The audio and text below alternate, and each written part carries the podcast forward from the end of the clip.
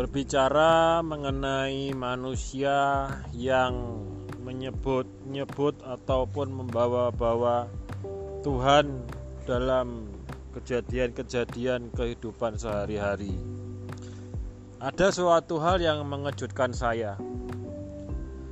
Suatu ketika ada seorang yang terkena musibah yaitu musibah pemerasan diperas dan diakalin sedemikian liciknya sedemikian licinnya oleh temannya. Dan teman dari temannya itu juga.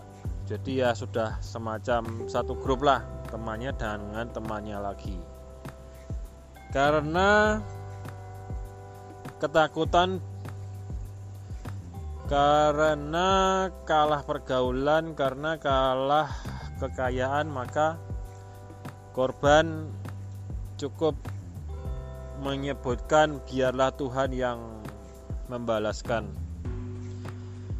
Kita ini hanya manusia biarkanlah nanti Tuhan yang akan membalas. Bahwa karma itu nyata ada. Demikian yang disebutkan oleh korban.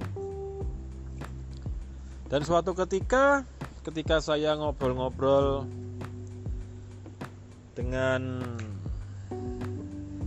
kawan saya dan si korban saya menyebutkan iya ya saya terlambat men mencari kamu mencari teman saya itu dia tuh seorang pengacara saya sebut bahwa saya terlambat untuk mencari dia. Saya sebut ya tiba-tiba saya diingatkan Tuhan. Itu siapa ya yang wajahnya seperti start uh, apa? Tokoh Star Trek. Saya baru ingat dan kemudian saya menghubungi seseorang untuk mendapatkan nomor HP pengacara itu. Nah tiba-tiba si korban itu yang saya sebutkan ceritakan di awal itu mm, bilang begini loh, kok bawa-bawa Tuhan? Lah ketika dia bilang begitu saya juga kaget loh. Kenapa enggak boleh ketika saya bilang oh Tuhan terlambat mengingatkan saya atau oh Tuhan mengingatkan saya untuk mencari pengacara itu pada kejadian yang sudah mungkin dianggap terlambat jadi ya saya heran juga pada yang korban itu suatu ketika dia bila bisa bilang pasrah bahwa Tuhan yang akan membalas kekuatan Tuhan yang akan membalas bahwa karma itu nyata. Tapi di suatu ketika dia bilang ya menganggap bahwa kita ingat sesuatu itu bukan juga karena diingatkan oleh Tuhan. Jadi gimana ya? Dalam waktu yang tidak tidak lama kok begitu cepat berubah ketika manusia dalam musibah dalam bencana dalam penyakit mulai dia ingat Tuhan. Mulai dia bilang pasrah kepada Tuhan. Tapi ketika dalam kondisi yang nyaman yang asik nah, mulai Tuhan dilupakan. Mulai kekuatannya sendiri, pikirannya sendiri yang diunggulkan. Hal macam ini saya yakin ada banyak manusia seperti ini. Ya, inilah realita manusia yang tidak bisa stabil dalam apa ya, dalam ingat dan dalam memahami bahkan menghayati roh Tuhan. Roh Tuhan, roh Allah yang Maha Esa.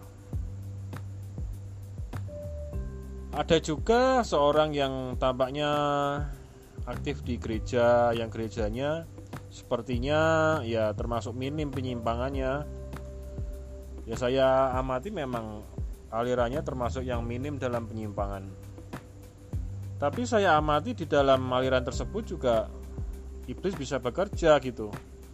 Iblis bisa bekerja di aliran apa pun yang sekiranya dianggap benar.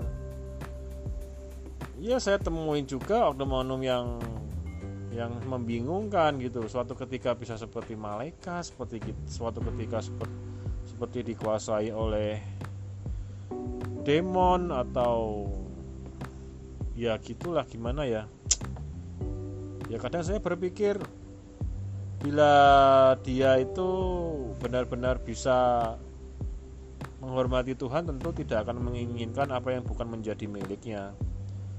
Tetapi dalam kehidupan yang keras ini yaitu di dalam kehidupan yang keras ini di dalam pergaulan yang sedemikian keras dan kotor akhirnya dia juga tidak bisa menjalankan gitu loh. Apa yang ada di dalam 10 perintah Allah itu nggak bisa dijalankan dan tetap aja dia menginginkan apa yang sebenarnya bukan menjadi miliknya. Ya terus memperjuangkan apa yang men, bukan menjadi miliknya. Ya gimana ya? 50% malaikat 50% iblis membingungkan memang